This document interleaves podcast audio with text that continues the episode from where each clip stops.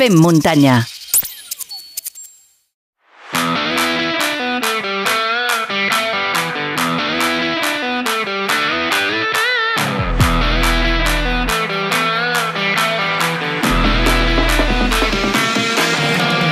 És un plaer saludar un corredor català d'adopció, però que el seu origen és romanès. Ja ens va acompanyar en un dels capítols d'actualitat la temporada passada, però avui l'hem volgut convidar perquè em ve molt de gust eh, xerrar amb ell més tranquil·lament. Raül Botassi, benvingut al Fem Muntanya. Moltes gràcies, Xavi. Gràcies per convidar. Eh, gràcies a tu per acceptar, perquè eh, sempre doncs, eh, tenia aquesta disponibilitat d'una bona estona per xerrar amb nosaltres, eh, cal a vegades quadrar agendes i, i és d'agrair. Eh, Raül, com estàs? Suposo que ja recuperat de la UTMB i preparant nous objectius, no? Sí, suposo que recuperat, sí. Encara no he corregut, eh? Porto, porto 18-20 dies sense, sense córrer, com aquell que diu. Sí que he fet una mica de bici, he fet cosetes en bici, però córrer, córrer no. Um, descansar, més que res, descansar, ara mateix. I, però les, el cos està bé. Era la teva primera 100 milles, eh, Raül? Sí, sí. Sí, tenia, ja a principi de temporada ja tenia un objectiu, diguem, enfocar aquesta temporada més distància llarga, ultra, i acabar-ho amb les, amb les 100 milles de, de UTMB. I, clar, la teva distància fins llavors era una mica més curta. Com, com ha reaccionat el cos a aquestes 100 milles? Com li han sentat? Jo crec que bé, les sensacions eren molt bones i tant sensacions prèvies com durant la cursa. Realment, jo el que els comentava, comentava al meu entrenador o al meu entorn així més, més íntim és que dic, no sé si és un problema o no, però és que no les veig eh, llargues, diguem, no se'm farà llarg la cursa. Um, almenys jo m'imaginava la, les 100 milles, la UTMB, i no la veia com, buah, uf, que fotre tantes hores, sí, aguantaré, no aguantaré. El meu, el meu cap era, suposo que estava ja molt conscienciat, veia que entrenava bé, que em sentia bé amb entrenaments llargs, i realment mm, li tenia ganes, sí, sí. I, clar, eh, no sé si això és eh, gràcies també una miqueta a l'entrenament. Quina és la tirada més llarga que has arribat a fer aquests darrers mesos per, eh, sobretot, ja no tant per preparar físicament el cos, sinó preparar-ho més psicològicament? Sens dubte, eh, han sigut els últims dos mesos amb més volum d'entrenor que he fet amb, a, la, a la vida fins, fins, fins a l'actualitat. Després de la CDH de, de Vall d'Aran... Que, Que vas guanyar, per cert, que vas guanyar.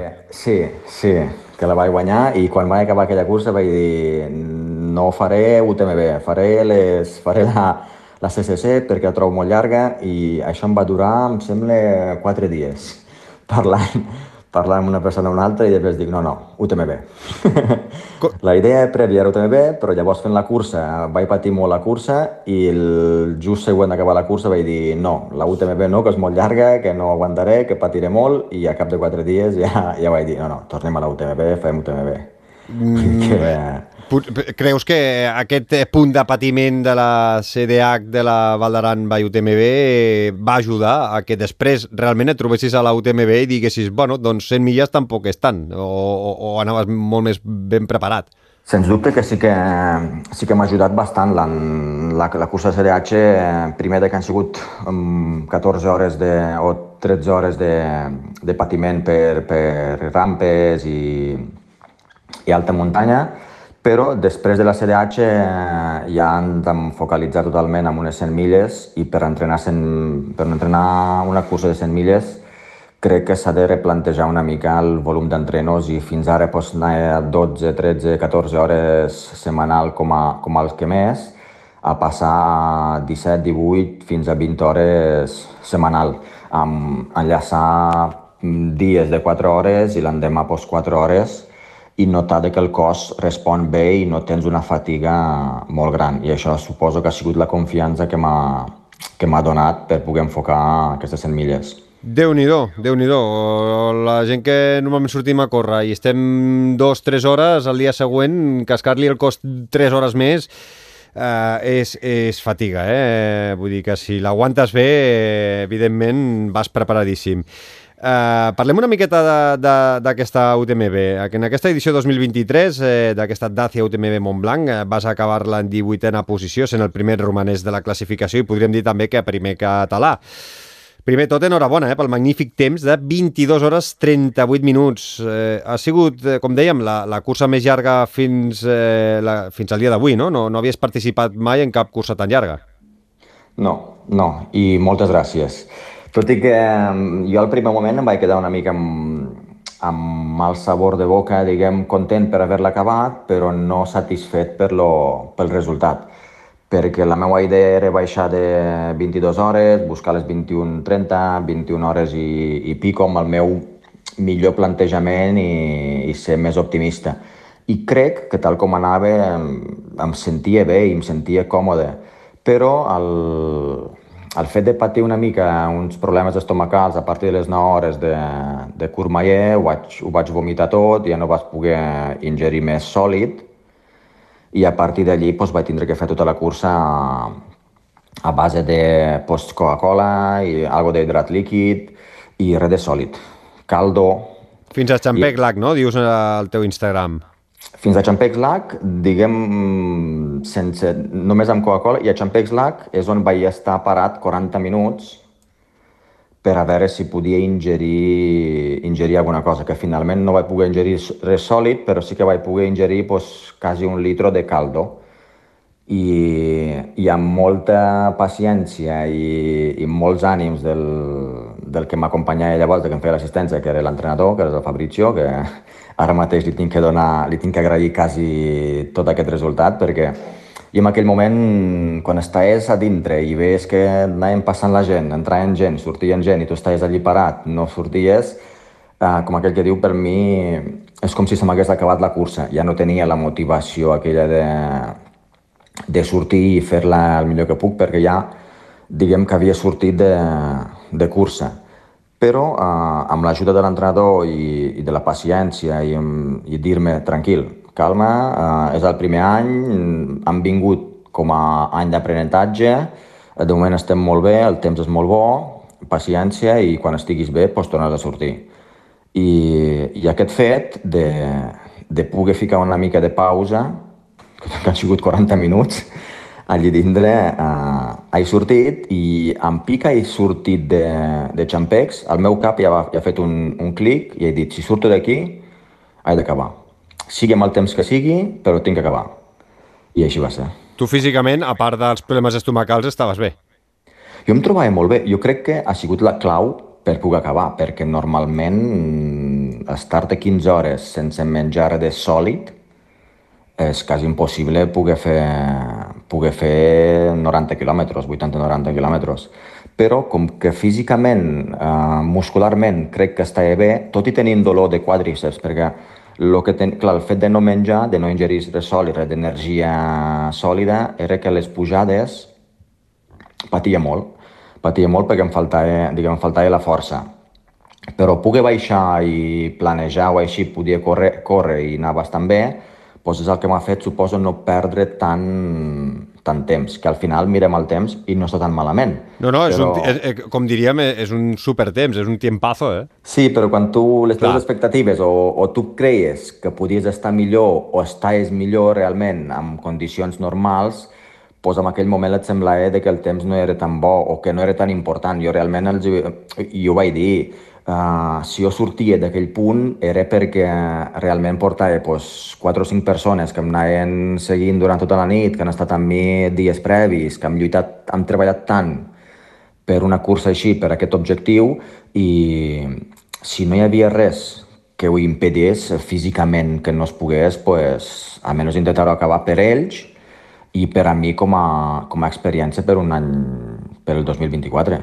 Al teu Instagram eh, vas escriure Sabor agridulce, seguiremos analizando la carrera, los errores, mis puntos fuertes y débiles en este recorrido y volveremos a probar de dar otra vez la vuelta al Mont Blanc. Eh, Raül, dues preguntes. Acabar-la simplement i sobreposar-te a tots aquests problemes no és suficient per acabar-la amb un bon gos de, de boca? Eh, és a dir, qualsevol dels nosaltres, acabar-la eh, una hora amunt, una hora avall, mm, doncs eh, seríem més que feliços, no? O, clar, en el teu cas estàs parlant de que vas perdre aquests 40 minuts per aquests problemes estomacals, però, però clar, eh, si eh, ja ets conscient de que uns problemes estomacals, una caiguda, doncs eh, et pot eh, retrasar, però eh, físicament tu vas estar bé, eh, és, eh, és el coco el que ajuda a que tinguis aquest sabor no, agredolç? Sí, segur. És el, és la, és el cap o l'exigència que tu tens com a, com a corredor o com a, com a esportista. Jo crec que has de tenir una exigència per, per, per millorar cada any o per millorar cada temporada necessites o has de ser exigent. Eh, no et pots conformar amb un resultat. Sí que pots estar satisfet, que jo dic que estic molt satisfet i, i realment ho valoro cada vegada més aquest resultat. Però el meu, diguem, jo era més, soc més exigent a mi mateix, més que res perquè jo crec que ho puc fer millor. Perquè tal com les sensacions que he tingut, que vaig tenir, eren per, per fer-ho millor. I jo crec, més que res això, si, si crec que hagués donat, si hagués fet eh, una cursa sense cap problema extern, que és molt normal tenir problemes externs, sent, amb 20 i pico hores de cursa, crec que n'hi haurà cap any que la puguis fer sense tenir cap entrebanc o cap problema físic puntual. Però no perdre... Clar, jo vaig perdre en total, ho, ho vaig mirar una hora vuit, amb, amb, els, tots, amb els, tots els avituallaments. Clar, si descontem una mica una hora o 40-50 minuts, ens anem a les 21 hores 30, que és el que està, eh, diguem que és el que buscava jo en aquell moment. Uh mhm. -huh. Uh, tinc diverses preguntes per fer-te per, per canviar aquest tema. Eh? Uh, hi ha molta gent, uh, molts corredors, uh, que han hagut de plegar a causa de problemes estomacals, problemes físics, problemes més greus, problemes menys greus. A la nostra comunitat a Telegram doncs, va sorgir un debat sobre el fet de que molts corredors d'èlit uh, doncs, a la no vull dir tampoc a la mínima, eh? però sí que a la que les coses eh, no anaven bé, perdien temps, eh, tenien problemes estomacals, es sentien buits i no podien eh, doncs parar potser aquests 40 minuts per poder-se refer eh, una mica i poder ingerir alguna mena d'aliment que el cos eh, tolerés, a la que veuen que perden aquest temps, doncs prefereixen retirar-se que continuar. No sé eh, què és el que, la diferència entre un corredor i un altre, cadascú és diferent, però com és que tu vas parar aquests 40 minuts, eh, vas, et vas obligar a menjar, vas fer una mica més la tàctica d'un popular, no? de, de dir, bueno, doncs parem, intentem a veure què entra al cos i, i si surto d'aquí, doncs acabar-la, no? I no dir, doncs, bueno, doncs plego. Eh, mira, un altre objectiu per, la mm, per poder continuar la temporada amb, amb, amb condicions. No sé què, què és, quina és la diferència entre que veus eh, amb aquesta facilitat que alguns corredors tenen a l'hora de, de que si no queden en el top 10, si se'ls escapa el top 10, més val plegar que, que quedar el 18è o el 20è. Primer, crec que el, els corredors que intenten estar en el top 10 o top 20 o el que sigui, la majoria són professionals. Segurament portaven quasi tot l'any focalitzat o focalitzant simplement UTMB i, i buscar un millor resultat, perquè és veritat, un, un bon resultat a UTMB t'obre portes, i moltes. I eh, crec que el fet de no trobar-se al, al punt on ells els hagués agradat estar o, o físicament no donaven el que ells tenien previst donar, era com gastar una bala. I jo estic convençut que molta gent, al no veure's allà davant, han dit pues, abans de tenir un, un desgast, perquè realment acabar una cursa de, 20, de 170 quilòmetres és un desgast físic que no es recupera d'una un, setmana per l'altra. Llavors, el, aquest és un motiu, crec jo, de dir, mira, hem, hem, hem gastat aquesta bala, no ha sortit bé, parem i ja pensem només arribar a casa i ja miren a veure on poden anar a treure's aquesta, aquesta espina i, i tornar a fer una altra cursa. I després que jo crec que pel... Això també és un problema, crec, mediàtic, eh, de, de xarxes, de red, de, mm. que ens fiquem, nosaltres mateixos, ens fiquem una pressió extra de, de dir que hem de fer el millor resultat o, o no estic bé o hòstia, no vull que em veguin, si em veuen que he acabat el 20 o el 30 diran que estic acabat, que ja no sóc el que era, que tot això és una cosa que jo crec que ens ho estem fent nosaltres mateixos, perquè al final nosaltres exposem el que volem exposar a les xarxes i no, no hem d'estar pendents de tots els comentaris que, que ens diuen d'altres, perquè hi ha corredors que poden acabar a UTMB i fer un bon resultat amb UTMB i no vol dir que siguin millors corredors a partir d'aquell dia.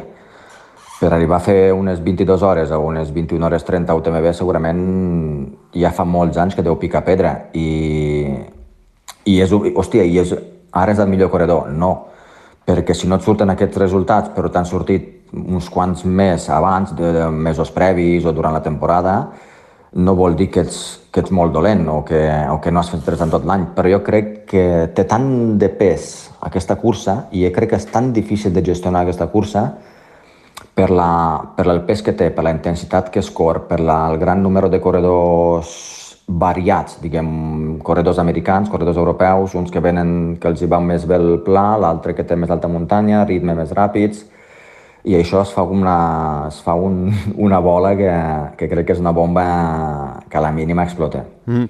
Tu, eh, eh, tu, tu com notes més la pressió? La pressió te la poses tu, la pressió te la posa alguna marca, la pressió te la posa les xarxes socials? És a dir, eh, de, de, per on notes més la, la pressió per poder competir a un alt nivell?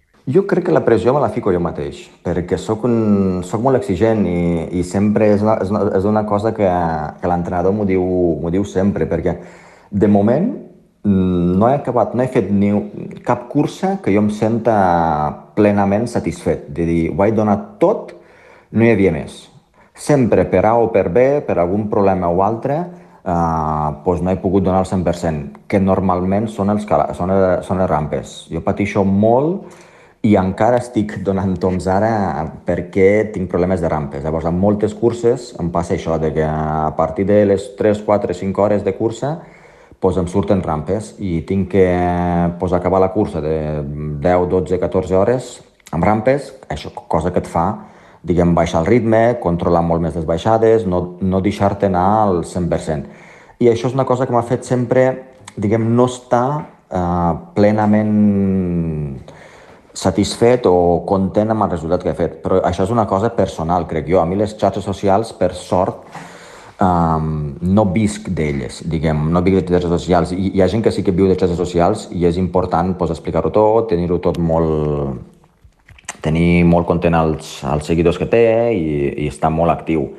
Jo per, per la feina que tinc, per les, diguem, pel temps que tinc, doncs no em queda tant temps dedicar a les xarxes, llavors intento dedicar-ho més al temps que em queda a, a entrenar i a nutricionista o a fer les coses bé que no, que no a les xarxes socials, que jo crec que ocupen molt temps, les xarxes socials. I tant, i tant. Per això hi ha a vegades empreses que es dediquen a portar les xarxes d'alguns corredors, eh, per ajudar doncs, a crear contingut, a que quedi tot bonic, perquè al final fer-ho tot bé costa, costa temps. Eh, acabo amb l'UTMB. Eh, has pogut analitzar tots els punts, els possibles errors eh, i, i, evidentment, això significa que l'any 2024 t'hi veurem de nou? Jo espero que sí. Almenys la, la intenció i, el, i, la, i el, el plantejament per 2024 és buscar dos o tres curses importants i acabar amb UTMB. Sí, sí, la idea és UTMB i sí que he analitzat ja una mica els punts forts, els punts dèbils que, que vaig tenir durant la cursa. Crec que no vaig plantejar... bueno, sí que vaig plantejar bé a l'inici, però hi ha hagut un punt crític, crec, de la cursa que em vaig deixar emportar una mica pel grup que, que anava. Eren les 9 o les 10 de la nit, et quedaves sol si no anaves amb ells, i això ha fet de que era la primera pujada, que aquí les pujades són llargues, són d'hora, hora i pico totes les pujades, i, i el fet de potser anar amb un grup de 5 o 6 corredors de primer nivell, que crec que després quasi el 60% han, han caigut dels, dels que érem en aquell moment amb aquell grup, doncs segurament m'ha fet treure una mica del meu ritme pel simple fet de tenir por de no quedar-me sol, de ser primer any, de no saber una mica com gestionar la, la cursa i això m'ha fet segurament treure un punt més, arribar potser a Courmayeur eh, una mica fatigat i per això potser va ser també el problema de, del vomitar, que no ho crec, però són, són hipòtesis. I després em vaig sentir bastant bé. Quan, per molts problemes que vaig tenir d'estómac, jo vaig estar, per exemple, analitzant l'última baixada i quasi baixo igual de ràpid que el Jim Wasley que guanya. Llavors dius, hòstia, tan malament està és? Ara diu, ara ho penso i dic, hòstia, potser no estàs tan malament. Però en aquell moment era de no poder, de, de, del patiment, de dir, prou ja de patiment. Suposo que per això vaig baixar tan ràpid, per, per acabar la cursa. Per acabar ràpid ja també que, i donar un, un descans a, a les cames i, i al cap.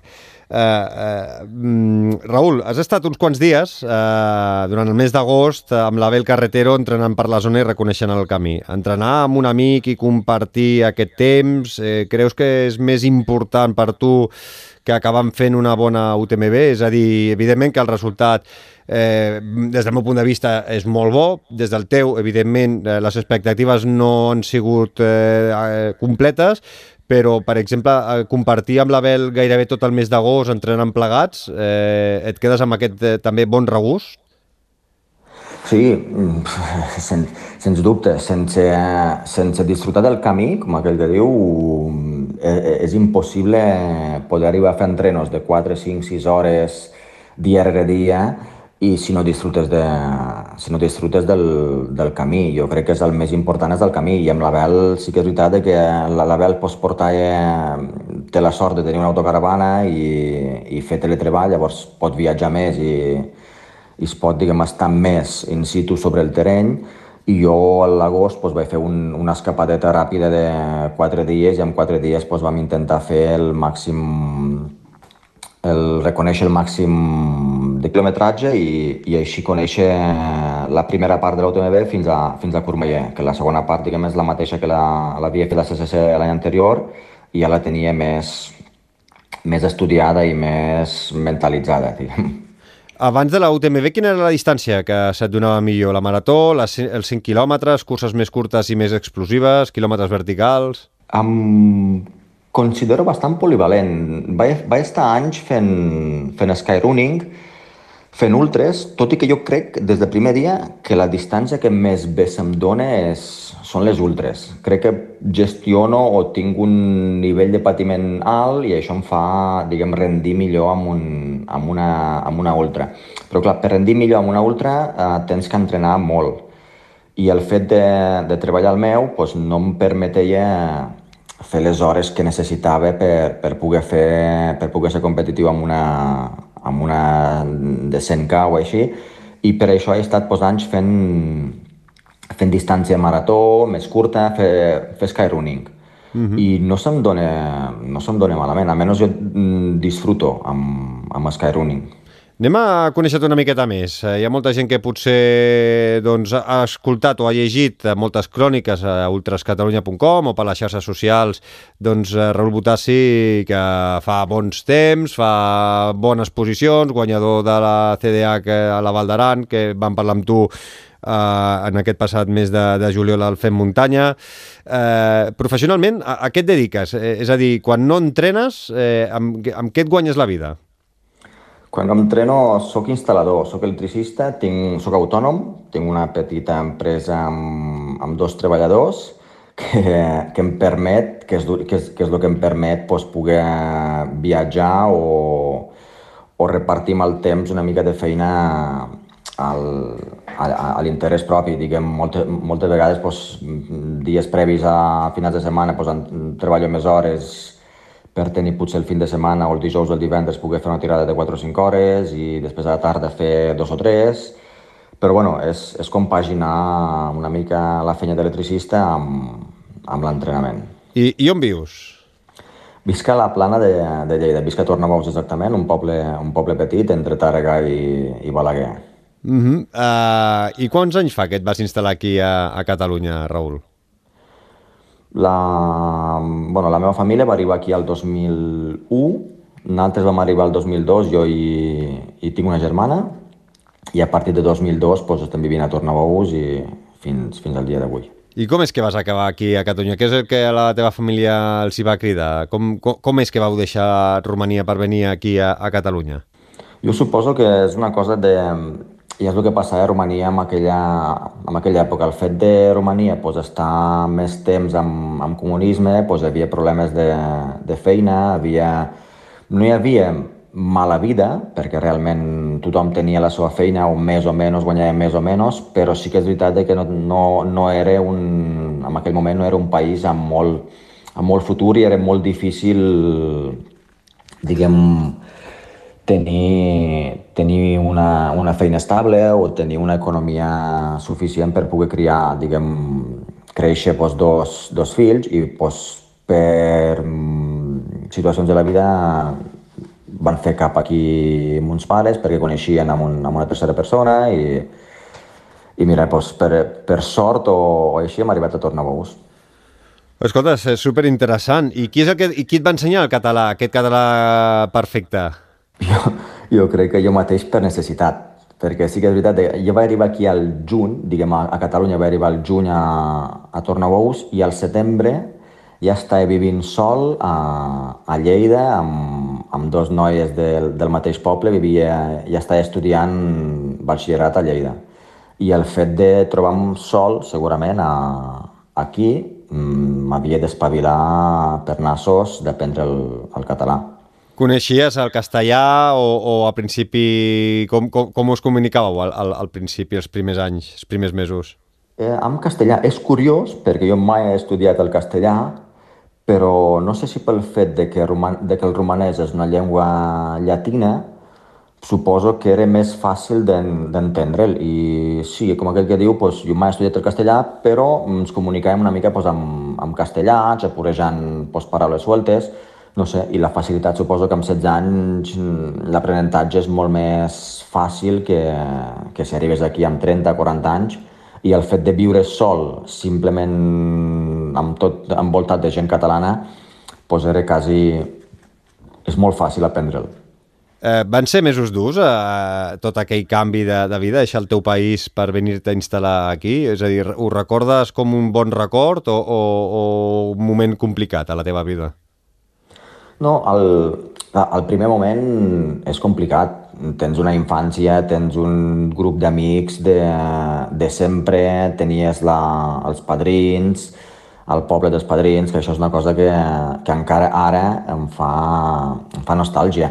Però eh, sí que el fet d'arribar aquí, de continuar fent el que estava fent a Romania, diguem que jo a Romania ja estava fent atletisme, i, er, i, i, i recordo que era l'únic requisit que, que els hi vaig demanar a mons pares per vindre aquí, que em busquin un club d'atletisme i és això el fet de jo viure a, a Lleida, deixant amb uns pares, clar, deixant uns pares vivint a Tornabous i jo viure, de, viure i estudiar a Lleida perquè aquí a Lleida hi havia pues, el, el Dominiques, diguem, un club d'atletisme i vaig començar a fer atletisme aquí.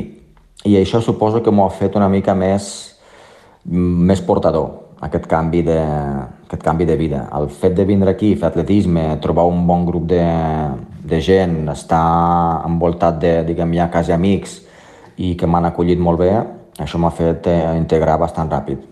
I ha sigut fàcil el salt de l'atletisme a les curses per muntanya? I, I quan vas fer aquest, aquest salt? Perquè, escolta, malament no se't dona, eh, córrer per la muntanya? No, jo suposo que l'atletisme també té, té molt a veure eh, amb, el, amb el córrer per la muntanya, perquè jo em vaig estar doncs, més de 10 anys fent atletisme. Uh, clar, quan vaig arribar aquí vaig dir que vaig estar 4 o 5 anys vivint a Lleida fent atletisme, però quan vaig deixar d'estudiar uh, va ser un punt d'inflexió de dir ara estic, tinc 20 anys, 21 anys, fer atletisme en 21 anys és un sacrifici molt gran, és una dedicació total quasi, si vols estar a primera fila, i el fet de no tenir-ho perquè havia de treballar, doncs em va fer deixar l'atletisme i el fet d'això d'atletisme doncs, vaig estar 7 o 8 anys jugant a futbol, fent alguna cursa popular de triatló, d'una 10K, així per, per fer alguna cosa. Sempre m'ha agradat fer alguna cosa o altra. I realment el trail o la cursa de muntanya em van venir per, diguem, per sorpresa. Per sort, doncs una, una persona del poble em va dir que si volia fer una cursa de, una marxa, que, que és la marxa dels castells, que sí. ho, ho recordaré sempre, em va dir, mira, anem a fer això, que es fa caminant, són 50 i pico quilòmetres, si qui la vol fer corrent la faci corrent, i pues, dic, bueno, vale, com m'apuntava tot, pues vale. I, i em recordo que vaig anar a fer aquesta marxa dels castells i, i la guanyo, la faig corrent i, i arribo a meta que quasi, quasi no tenia ni l'arc de meta instal·lat. muntat, instal·lat, sí, sí, perquè no, no s'esperava. I el fet de fer, doncs mira, aquesta, que al final aquesta cursa són 50 i pico quilòmetres de, de camins, amb 600 o 700 positius, em sembla que eren molt poc, però clar, això ja em va despertar una, un neguit, una curiositat, a veure què és això de les curses de muntanya i, clar, el fet de viure al pla no tenim cursos de la muntanya a costat de casa per dir, hòstia, mira, fan aquesta, fan aquesta. Ja m'havia de mirar una mica a veure on se feien, què es feien, i vaig començar a fer algun altre després a Àger, que és la que tinc més, més a prop, i, i així en pico he fet la primera, segona, ja després ja, ja, ja no he sortit d'aquest circuit. Mm -hmm. Eh, Raül, tens la doble nacionalitat, no? O, eh, L'espanyola i, la, i la romanesa, eh, perquè has participat en curses eh, amb la FEDME i amb la FEC.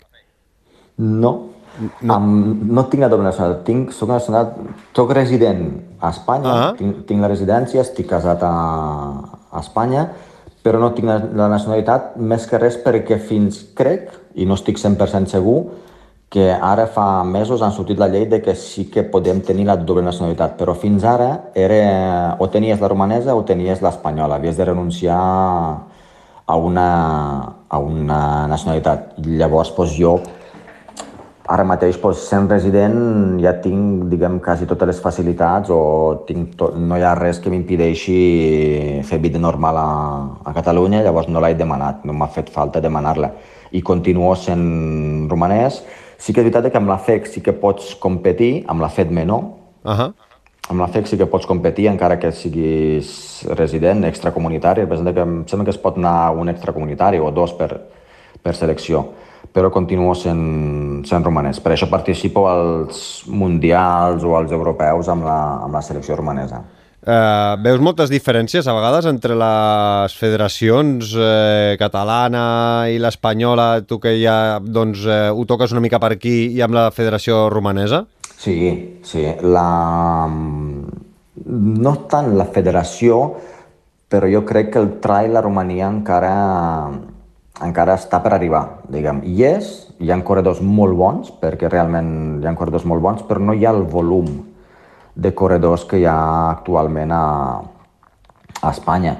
I, I això es nota molt amb recursos. Uh, Romania no té, no té els recursos que pot arribar a tenir la selecció espanyola. En altres, per fer els resultats que fem als mundials o així, no tenim primes, no tenim beques, com hi ha aquí beques, ajudes uh, als corredors. Tot i que, clar, aquí una beca te la donen només al guanyador o al sí. medallista. Clar, per arribar a fer medalla mm, hi ha un entrenor previ, un sacrifici previ, que si això no el, no el treballen o no, no, no ajuden els corredors, pues, costarà molt d'arribar a fer medalla amb uns mundials si no tens un apoyo previ, que és el que està passant últimament també amb, es, amb Espanya.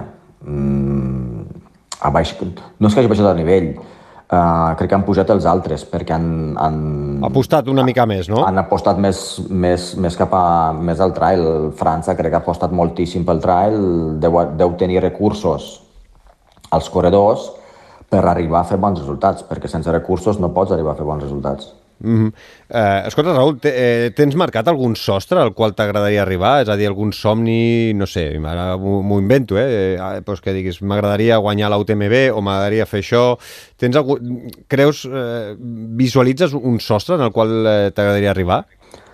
Bueno, sempre tens aquell neguit allí que vols, mm, vols guanyar això, vols guanyar allò. A mi un podi UTMB seria ja un, un molt bon resultat ja podria estar content i és, és la cursa que tens allí focalitzada. M'agradaria també arribar a fer distància molt llarga, diguem passem de 100 milles a Tor de Jans o així, m'agradaria provar aquestes curses i espero poder provar-les.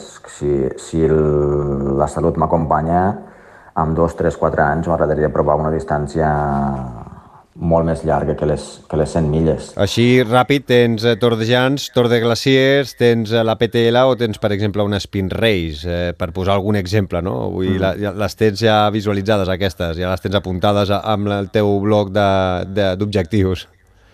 Sí, sí, tot i que només pensar-les ja, ja, ja, em- ja em canso, però crec que, però crec que és, diguem és, mm, és lo que, no és el que toca, és el que el cos eh, et demana, perquè si tu fas unes 100 milles, et sents còmode amb unes 100 milles, vols provar més. A part de fer-les més ràpid, vols provar més, vols ficar el cos a, al límit o, o a veure fins on estem fins on podem arribar.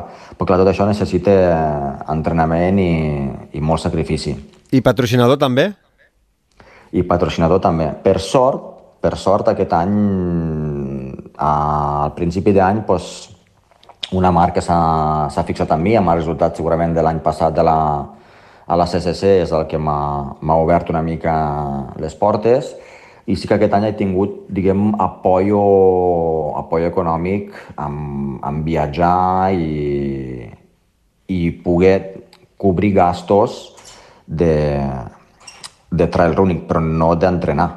Mm -hmm. Seria, és incalculable segurament les hores que, que dediquem per, per poder entrenar i si no fos per la meva feina no podria, no podria dedicar-me al 100% al, al trail actualment. Digues, digues la marca que, que t'ajuda, ja que, escolta, et dona un cop de mà, eh, doncs, escolta, també està bé fer-la pública, no? Donar-li també una, un reconeixement, un, un, un, perquè de vegades no sempre és fàcil que se, si no ets un top d'èlite mundial, doncs que ajudin a, a corredors que estan potser en un segon esglaó i que tenen també l'aspiració de, de poder pujar una mica més.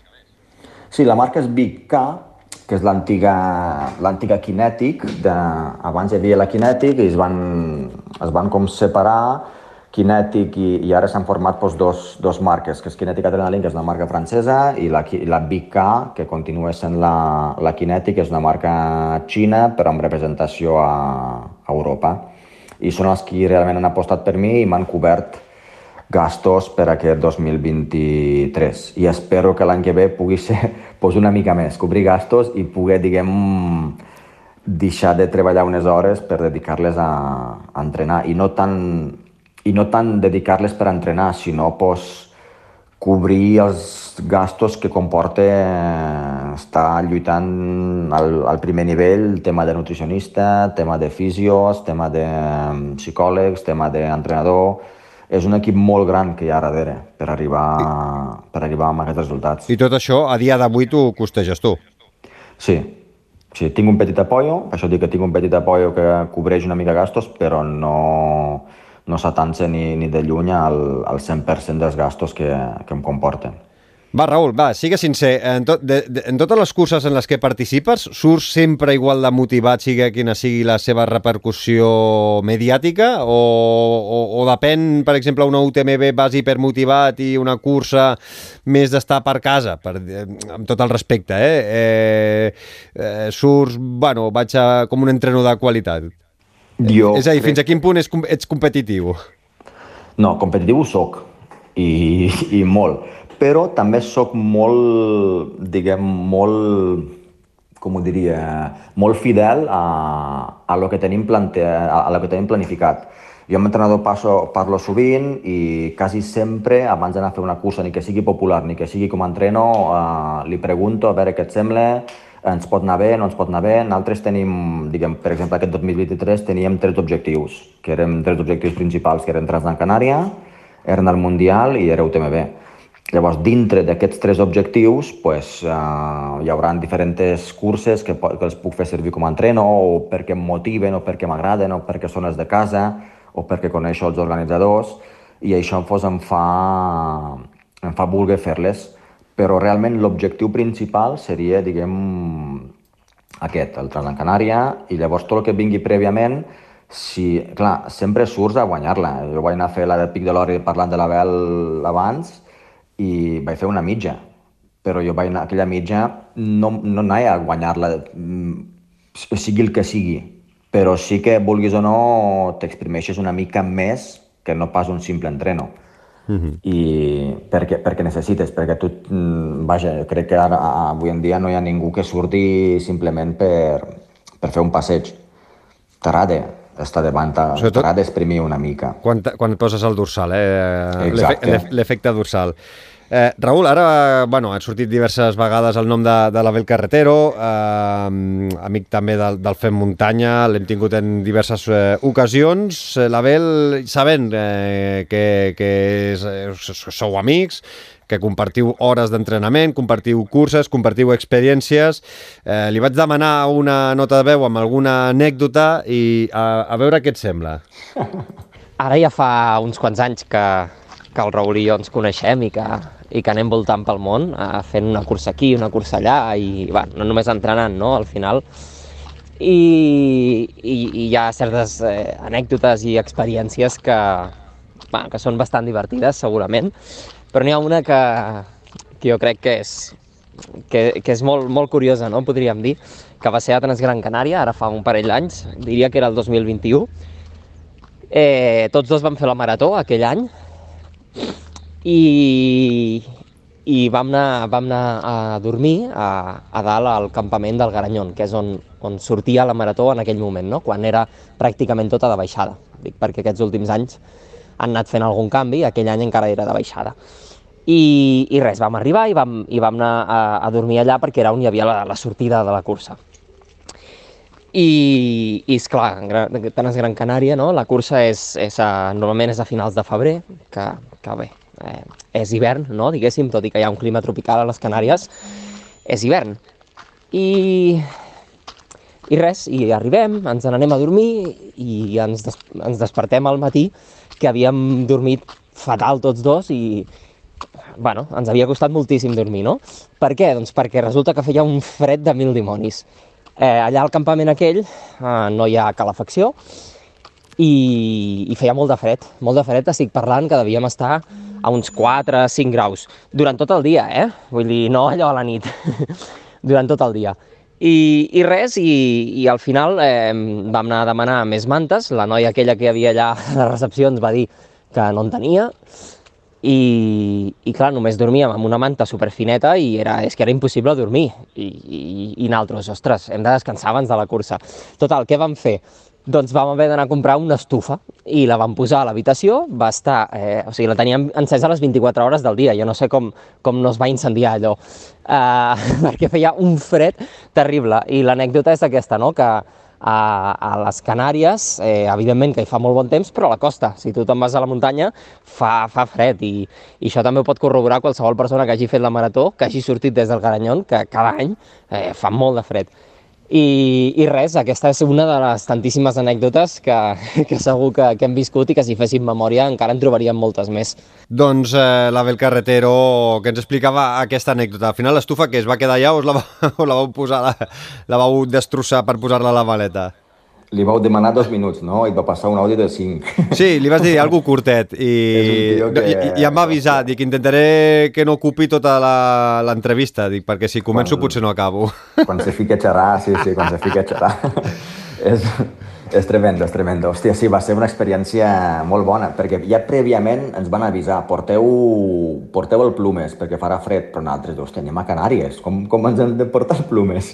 Anem a Canàries. Hòstia, sí, sí, ens va pillar, ens va pillar de sorpresa total, total, aquella allí al Garanyón i després tu veus vídeos previ, després de a la marató, a de marató i tots estan, tots estem morts de fred abans de sortir d'allà.